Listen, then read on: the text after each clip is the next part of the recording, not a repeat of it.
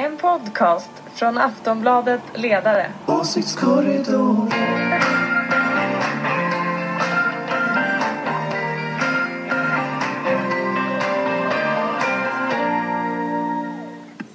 Hej och välkomna till ännu ett avsnitt av Åsiktskorridoren. En podd om politik från Aftonbladets ledarredaktion. Som vanligt ska vi försöka reda ut verkligheten bakom utspel och rubriker. För att hjälpa oss finns precis som vanligt Ulrika Schenström, chef för den gröna och liberala tankesmedjan Fores och oberoende moderat. Hej! Hej hej! Jonna Sima, redaktionssekreterare på Aftonbladets oberoende socialdemokratiska ledarsida. Hej! Hej! Och Lina Stenberg på samma oberoende ledarredaktion. Hej! Hej! Ja, själv heter jag Ingvar Persson och arbetar också till vardags för Aftonbladets ledarredaktion. Idag ska jag leda det här programmet så fast och rättvist som jag bara kan. Eh, I helgen förklarade Nyamko Sabuni att medlemmarna i Liberalerna nu ska koncentrera sig på det som förenar partiet. Eh, det skulle ju vara lockande att fråga vad det skulle kunna vara för någonting. Men jag tänkte faktiskt att vi för en gångs skull ska göra ett program utan att prata om krisen i Sabunis parti. Hur ska det gå?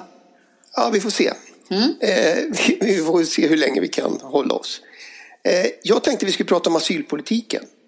I torsdags presenterade ju Morgan Johansson och Märta Stenevi ett förslag som till stora delar permanentar dagens strama politik. Till exempel ska uppehållstillstånd i allmänhet vara tillfälliga. Eh, något som bland annat har kritiserats av kyrkan och många andra. Men det var inte den kritiken som hördes i riksdagen. Moderaten Maria Malmer Stenegård hävdade, Stenegard kanske ska uttalas, hävdade till exempel att förslaget kommer att leda till ökad invandring. Något hon inte alls gillar. Och Jimmy Åkesson lovade att riva upp förslaget så fort det bara var möjligt. Fanns det någonting som Morgan Johansson kunde ha föreslagit som skulle ha fått Stenegard och eh, Jimmy Åkesson att känna sig nöjda? Jonna? Nej, eh, det här är ju deras huvudfråga och eh, som så många innan mig har konstaterat så har de ju också konstaterat att det är, kanske kan beskrivas som den svaga punkten hos regeringen. Eh, vi vet ju att, att det är Miljöpartiet och Socialdemokraterna inte är riktigt överens om de här punkterna men de har kommit fram till den här kompromissen och sen så är, är det framförallt Sverigedemokraternas uppgift att vara hårdast och strängast. Det, är, det här är deras paradfråga. Och Moderaterna har ju märkt att de framgångsrikt eh, kan, kan lägga sig också längre åt höger eller mer stramare migrationspolitik. Eh, att de vinner väljare genom att göra så.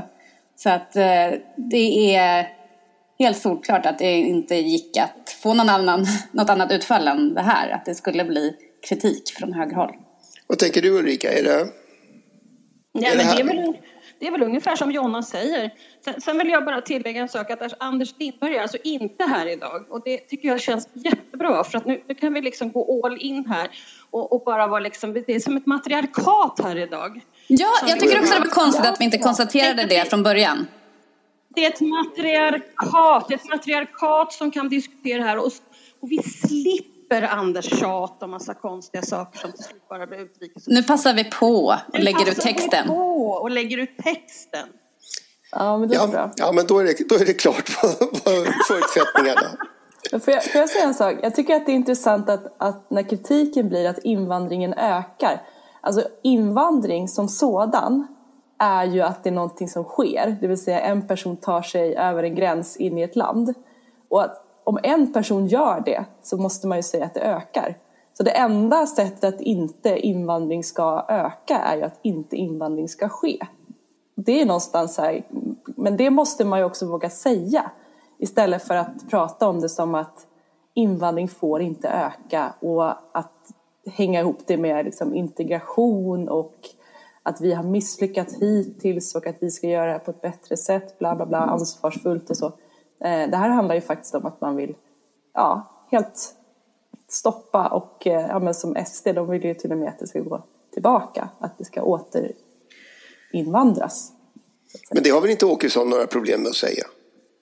Nej, men Nej. de andra som har yttrat sig i den här frågan eh, när vi nu pratade om den här eh, moderaten exempelvis. Alltså vi kan inte, att säga att eh, invandringen får inte öka eh, är ju samma sak som att säga att den måste stoppas eller till och med gå åt andra hållet. Men sakligt då, om vi tittar på förslaget. Alltså det man, det man grälar om är den här så kallade ventilen, alltså att humanitära skäl möjligen ska kunna leda till att man får uppehållstillstånd. Och den, är, den hade ju stramats åt sen remissomgången. eh. Men huvudsaken är väl att man till exempel permanentar systemet med tillfälliga uppehållstillstånd. Mm. Det här är en mycket stramare politik än den som fördes innan vi fick de här tillfälliga reglerna. Ja, precis. Ja, det här, det här är eh. stramare. Och det är väl det att man har tänkt att man måste vara lite hårdare för att eh, eh, ja, det, det, jag tror ju att det här är ett strategiskt val att, att göra det, gå den här vägen för att visa upp att nu tar vi tag i den här frågan. Så. Däremot så tror jag att det kanske är viktigare att diskutera integration och inte diskutera migration. För jag tror ju på att folk kommer hit och då, de kommer ju bara gynna vår, vårt ekonomiska läge ifall integrationen fungerar väl. Men då kan ju inte politiken sitta och säga hela tiden att vi måste ha bättre integration utan vill jag faktiskt veta lite mer. Vad betyder det? Är det bostadspolitiken? Är det skolpolitiken? Är det någonting på kring, vår, kring jobben, sysselsättning som gör att folk kan komma lättare in i arbete. Vad är det man kan göra för att sänka trösklarna för att folk faktiskt kan leva och klara sig själva och bo någonstans? Och då vill jag veta i vilken ordning man vill göra det här. Vad, vad är det svårigheten kring bostadsfrågorna, bostadssegregation och allting? Var vill man börja? Och jag tycker att nästan alla partier säger bara ordet integration hela tiden, men de säger inte vad de menar med integrationen. Jag vet inte om ni håller med mig om det, men jag tycker faktiskt att ordet Jo, men du har ju rätt i det. Men där, där visar ju också att debatten om invandring inte förhåller sig till fakta. För fakta säger ju att tillfälliga uppehållstillstånd är dåligt för integrationen. Den säger att eh, om man inte får förenas med, med sin familj så försämras också möjligheterna till integration och etablering på arbetsmarknaden och så vidare. Så det är ju det att att den här debatten har ju sprungit ifrån verkligheten på det viset. Men det är ju också att eh, en krass verklighet som, som förhåller sig till hur väljarna ställer sig. Alltså, vi fick ju en, SOM-institutet gav ju sin, eh, ut sin rapport här om svenskarnas inställningar till olika frågor. Och då är ju invandring och kriminalitet eh, två frågor som eh, människor är mest engagerade i just nu. Eh, och då måste till och med Miljöpartiet gå med på den här politiken som de egentligen inte står för eller inte tycker är bra Där, såklart. Därför att man bara håller på med symbolpolitik. Tänk om de kunde titta på någonting annat än mätningar och kanske kunde börja liksom Tänk, tänk okej okay, man kanske inte får resa jättemycket men man kan faktiskt resa lite i landet så länge du liksom inte träffar en massa andra människor. Men jag tror att det måste till. Vadå att svenskarna tycker att det, de pratar mest om eller man är mest intresserad av kriminalitet eller liksom eh, brottsbekämpning och, och invandring. Ja, men det säger ju absolut ingenting ifall de är positiva eller negativa. Det de säger är att okej, okay, det är stort, men kommer förslag som förbättrar saker då? Precis. Mm. Då räcker ju inte ordet integration, utan då måste man ju säga okej, okay, vi har inte all, hur mycket pengar i ladorna som helst. Därför kommer vi börja med arbetsmarknadsåtgärder i form av X, Y, Z. Sen kommer vi titta på bostadspolitiken. Vi vet att vi inte har råd att göra allting samtidigt, men vi vet att vi kan göra det i den här ordningen och då kommer vi ändå kunna klara de mål som vi själva sätter upp för hur integrationen ska fungera. Och vad, Jag kan inte förstå hur svårt detta kan vara. Nej, och den här SOM institutets mätning visar också att även om väljarna tycker att de här frågorna är viktiga, att de har vuxit i liksom, eh, viktighet om man säger så. Eh, med det senaste året så är det inte några frågor som avgör vilket eh, parti man lägger sin röst på i valet. Så att även om man tycker det är viktigt så, så behöver det inte vara avgörande. Och det finns utrymme, egentligen borde finnas utrymme för en bredare debatt och sådär. Men, men eh, nu ser vi ju det här och eh, eh Miljöpartiet har nog gråtit några tårar Även om, jag tror också att, att det spelar roll att de har bytt ut sina språkrör från 2015. Att det är en lite mer pragmatisk ledning just nu eh, som ändå köper den här analysen. Lina? Eh, jo, men jag tänker att det här eh, att regeringen lägger sig så här är ju, tänker jag i alla fall, ett sätt att ja, på något sätt försöka att inte fastna i migrationsfrågan. Att skulle man lagt sig mer liksom, generöst, om man ska kalla det så, så hade diskussionen bara handlat om att det måste liksom bli ännu hårdare. Eh, sen tror inte jag att man kommer lyckas ändå, för någonstans är det ju, det här är ju decennier av att inte ha velat ta i just det du säger Ulrika, det här med integrationen. Alltså integration har varit ett luddigt ord som man har slängt sig med jättelänge och ingen har liksom velat borra i vad det handlar om och vilka politiska reformer det innebär. Och nu blir istället lösningen den då som Moderaterna presenterade i fredags, det här med att eh, ja, men all integration ligger på den som kommer hit. Alltså allt ansvar är att, att, eh, att ta, göra det man själv kan för att komma in i samhället. Och det blir ju någonstans att ännu mindre ta bort ansvaret för liksom, politiken och samhället att hjälpa till i det här och att det liksom är en tvåvägsgrej. Och då blir det ju ännu fler som kommer misslyckas och det kommer bli ännu större anledning till att inte vilja ha invandrare här. Det blir som att det, det, det, det är klart att samhället, ja, det är klart Lina att samhället måste ge möjligheter för människor att komma in på arbetsmarknaden. Alltså det är ju självklart och att vi kanske kommer behöva en adekvat skolform eller skol... Alltså räcker den skola vi har för att de ska komma ut på arbetsmarknaden? Eh, så, att, så att jag menar det, ja, så hur svårt kan det vara att göra några reformer? Då var vi där. Eh, och, och, svaret på det har vi väl egentligen i, i eh, statistiken från till exempel Arbetsförmedlingen. Mm. Och ja, på, att, på eh, arbetsmarknadsdeltagandet och sådär. Mm. Precis. Och det är det jag brukar säga, det är kvinnor. bättre att titta på, på prognoserna från våra myndigheter än att sitta och läsa utredning, eller mätningar. Mm. Det säger ingenting att så här, svenska folket värderar det här högst. Ja, alltså, det är inte jättekonstigt att man värderar gängkriminalitet om man, om man är rädd för att gå ut på kvällarna. Visst, mm. men det är kanske det kanske ändå är så att om man inte har någonstans att bo och inget jobb att gå till så blir det ändå sekundärt. Alltså vi måste ju se till att folk kan klara sig. Bo, jobba, eh, få hjälp när man blir sjuka. Jag vill slå ett slag för att man borde göra någonting åt den här primärvården i landet. Därför att jag har testat på den avancerade vården, den är toppen. Men hur ska man komma, det är ju när man ska komma innanför skynket. Nu blir det ju svårt att träffa liksom läkare och få en tid på vårdcentralen och sånt där. Så att jag gör någonting åt primärvården politiker istället för att liksom hålla på med symbolpolitik för att ni är rädda för Jimmy Åkesson. Ja, det var en, är det en from, ska vi betrakta det som en from uppmaning eller en, en from förhoppning? Och en, en from förhoppning som tyvärr nog ingen kommer lyssna på, men eh, vi kan alltid hoppas. Ja, vi har ju försökt ett tag. vi, får, vi får helt enkelt fortsätta att hoppas. Eh, jag tänkte vi skulle gå vidare. En annan sak som hände i förra veckan det var ju att Lena Hallengren frågades ut i riksdagens konstitutionsutskott. Eh, Idag skulle man dessutom ha frågat ut Mikael Damberg men han har förkylning så han fick inte gå dit. Hur som helst så vet jag inte om vi blev så mycket klokare utav förra veckans utfrågning. Eh, men vi fick i alla fall reda på att regeringen inte har haft som strategi att så många som möjligt ska smittas med covid-19. Eh, det jag undrar det är ju, är konstitutionsutskottet ett bra forum för att diskutera eh, pandemistrategier? Ulrika? Nej men egentligen inte, men jag måste ju ändå så här, du vet, alltså KU, det är ju, det är ju en, det är ju liksom en, en det är ett spektakel, det är liksom inte på riktigt. Men däremot så måste jag säga att oppositionen, oavsett vem som sitter i oppositionen, alltid tycker det är så fantastiskt roligt att KU-anmäla varandra.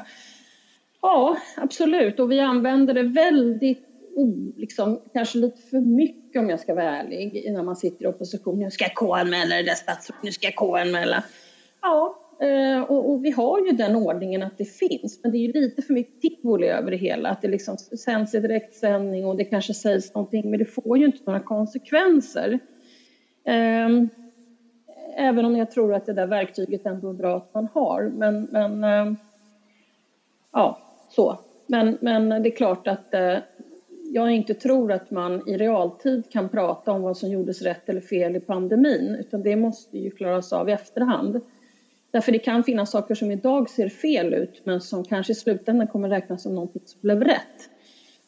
Att, um... Men det används väl lite som ett eh, vapen för att gissla regeringen. Ja, en, ja, men det är inte på mm. riktigt utan det är ju en mediaspektakel. ja, men det blir ju lite uppmärksamhet kring det i alla fall. Men sen så tycker jag också att det används lite eh, too much om man säger så. Att det blir ja. mer ett sätt att visa att man ska sätta regeringen på plats liksom, fast man inte, för att man själv inte får vara med och styra.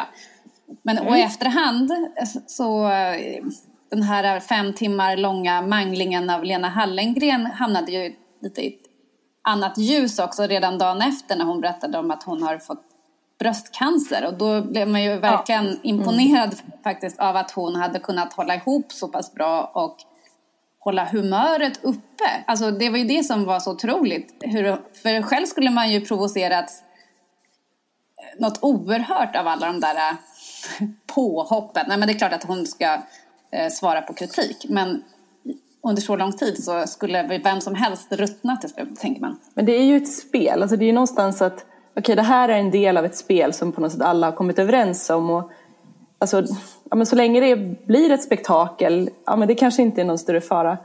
Eh, jag tänker att alltså, två saker egentligen. Det ena är att dels att det riskerar liksom att, att urvattna när, när det faktiskt kanske verkligen behövs. Alltså, KU finns ju av en anledning och, och, det har ju börjat användas mycket mer åt sånt som kanske inte alltid bör hamna just i det forumet. Kanske för att det inte finns något annat, kanske för att man vill att det ska uppmärksammas i media och så vidare. Eh, det andra är ju att alltså, vi ser ju ett ökat politikerförakt. Det blir också någonstans att när det blir mycket fokus kring i media då, vilket ju det blir av de här liksom, spelen, eh, på smutskastning helt enkelt. Eh, ja, men det är klart att det kan ha effekter. Sen såklart att man ska kunna vara kritisk mot en opposition, eller en opposition ska kunna vara kritisk mot en sittande regering och så vidare. Men, ja. men tänker väljarnas bild, tänker väljarnas bild ja. av politiken just nu. Det är smutskastning i KU, symbolpolitik och ingen visar någonting om vad man vill ta tag i framöver utan allting är liksom här och nu och lite fram och tillbaka. Det är klart att folk blir blir bekymrad och det är klart att man blir missnöjd. Det är klart att folk i så fall då börjar rösta på missnöjespartier. Det är väl självklart. Det är så här du får dem ifall du inte har politiker som är på riktigt som faktiskt vill någonting och som har en längre plan för vad man vill göra med politiken och Sverige än liksom det närmsta halvåret.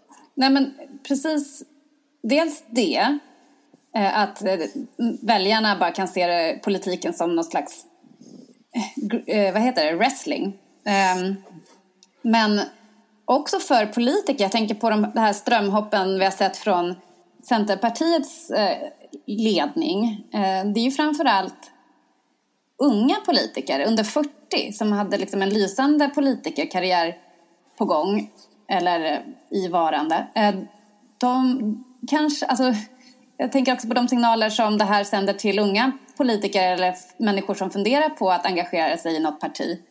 Att det är klart att det kan fungera lite avskräckande också om det är för hårt och för, för mycket av det här smutskastningen liksom, och för lite av att faktiskt påverka och förändra. Å andra sidan kan man väl tänka sig att det är just eh, att det finns konflikter som eh, skapar engagemang och gör att man vill delta.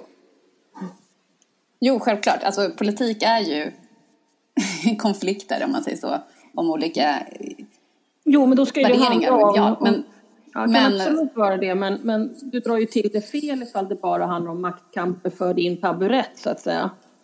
Då är det ju fel typer som helt plötsligt börjar, utan det borde väl vara en tävling i vem som kan klara av att stå fast i sina värderingar men ändå ändra tekniken i politiken.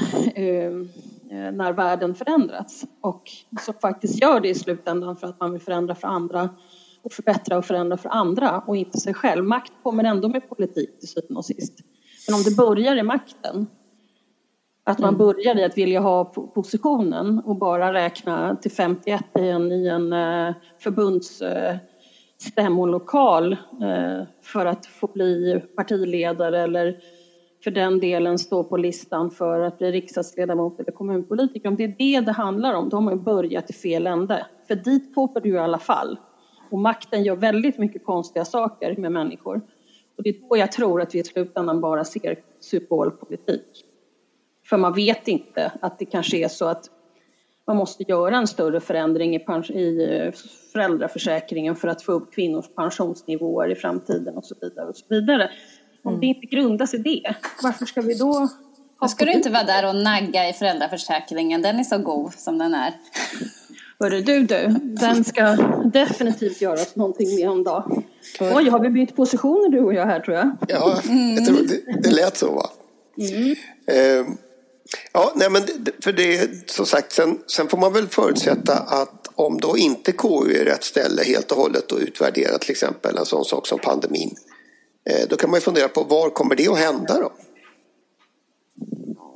Hur menar du Ingvar? Nu, nu hängde jag inte med. Nej, men jag tänker det, det finns väl ett behov naturligtvis av att föra en, en diskussion om de Absolut. här sakerna. Absolut, och det är väl egentligen...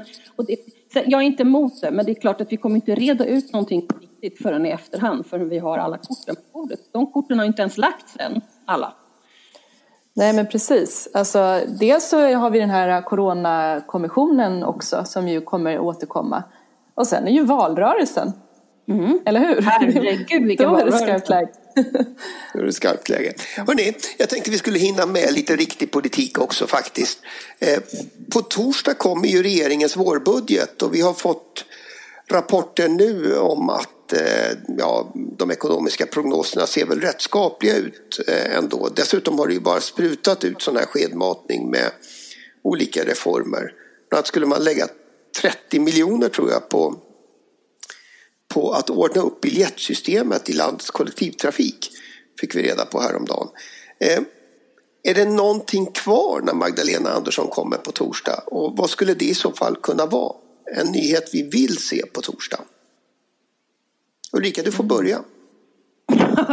någonting som jag vill se? Ja. ja. Jag skulle vilja se att eh, man eh, tittar på att få ihop ehm, klimat eh, och budget i en och samma. Så att hela klimathanteringen eh, och hållbarhet går in i budgetpropositionen istället för att vara ett arbete vid sidan av. Det skulle jag vilja. Nummer två är att jag skulle vilja se över hur vi kan få bukt med den stora löneskillnaderna som är mellan män och kvinnor och att vi får bukt med jämställdheten och där är det trots allt så att vi faktiskt måste se över det här med föräldrar. Någon gång måste Socialdemokraterna våga detta. Eh, jag tror det skulle vara bra för att vi kan inte ha så här många fattigpensionärer som råkar vara kvinnor. Utan vi måste se till att folk förstår att de val du gör idag är det du kommer att få imorgon och då måste de reglerna på något sätt förbättras så att det blir enklare att kvinnor faktiskt får lönenivåer som faktiskt är jämställda med männens andra pensionsvillkor. Ja, Lina? Mm. Nej men äh, jätteintressant. Jag tänker att om man nu ska titta på föräldraförsäkringen så varför inte liksom grundnivån där kanske kunde ta höjas lite. Det skulle mm. vara ett jätte, jätteviktigt steg framåt. Um, nej men annars så tycker jag att ja, men det kanske är dags för familjeveckan. Um, inte för att jag vet om själv om jag tycker att det är den absolut mest nödvändiga reformen men om man ska göra det i lagom tid för att uh, liksom ha, ha, ha gjort det innan valet så kanske det vore dags. Eh, en annan sak som jag skulle hoppas på det är väl att man eh, säger att nu ska vi se över det här juridiska systemet när det gäller sexualbrott som eh, inte riktigt verkar funka, vilket vi har fått se väldigt tydliga bevis på här nu under våren. Det skulle jag bli väldigt glad för. Ja, och Jonna? Ja, men kanske att man berättar att man ska permanenta det höjda taket i a-kassan. Det vore väl något. Alltså, det känns som att det skulle behövas någon I alla fall tycker jag det då. Någon socialdemokratisk sån där symbolfråga som är viktig mm. att visa att man satsar på. Ja, ja nej, men det där kan vi väl säga. Det blev ju, där, där märks det ju att vi har en, eh, en kvinnlig panel idag. Inte ett enda hangarfartyg så långt. Inte en tropikhatt eller ett hangarfartyg eller någonting utan det är bra. Ja. Men, alltså, bort, borttagen karensdag kan man ju få lägga till. Men det kommer nog bli en, en blandning av några fler skattesänkningar för att blidka C och L och kanske något mer bidrag till hushållen eh, samt mer pengar till kommuner och regioner måste ju komma också. Mm. Och så allra sist tänkte jag faktiskt att vi skulle hinna med en liten spaning från mina hemtrakter i, i Dalarna. Här har ju nämligen kyrkofullmäktige och valet till det plötsligt spelats upp som en mycket stor sak. Först hade vi Fredrik Federley från eh, Centern som skulle kandidera och sedan kom han på att han inte skulle kandidera eh, eftersom han först ville ge tillbaka och sen kom på att, att det ville de inte ha kanske. Eh, nu visar det sig att musikern Gustav Norén, tidigare Mando Diao, eh, också vill bli kyrkopolitiker i, i Borlänge. Han säger bland annat att, eh, lite fint så här, jag vill inte stå vid sidan om som många gör och bara klaga. Jag vill vara med och påverka. Och det låter väl som en, eh, en bra motiv apropå varför man ska bli politiker. Men ser vi en trend? Är kyrkopolitiken det nya heta? Ja, i alla fall den här veckan och förra veckan. jag vet inte, men nej, jag, jag, nej, jag tror inte att det är det nya heta faktiskt. Jag tror inte det är kanske var en coincidence, men, men. Ehm, det blev ju det nya heta i senaste kyrkovalet, för då röstade ju Sverigedemokraterna rejält. Vilket gjorde att um, alltså i, i kyrkan så är det ju inte vanliga partier utan det heter de borgerliga, borgerligt alternativ tror jag. Men, eh, yes. ja. Och eh, Socialdemokraterna, de eh, hängde ju på det där och det blev faktiskt lite uppmärksamhet kring kyrkovalet för en gångs skull. Eh, så då tror jag att, att många fick upp ögonen för det. Och sen så kanske kyrkopolitiken framstår som lite eh, apropå det vi pratade om innan om smutskastning och käbbel, att det här kanske framstår som lite mer eh, vänlig miljö och att nu är i och för sig Federley, han är ju verkligen en erfaren politikerräv. Men för andra kanske det framstår som, som något som är lite, lite vänligare och eh, en bra inkörsport till att testa på politiken.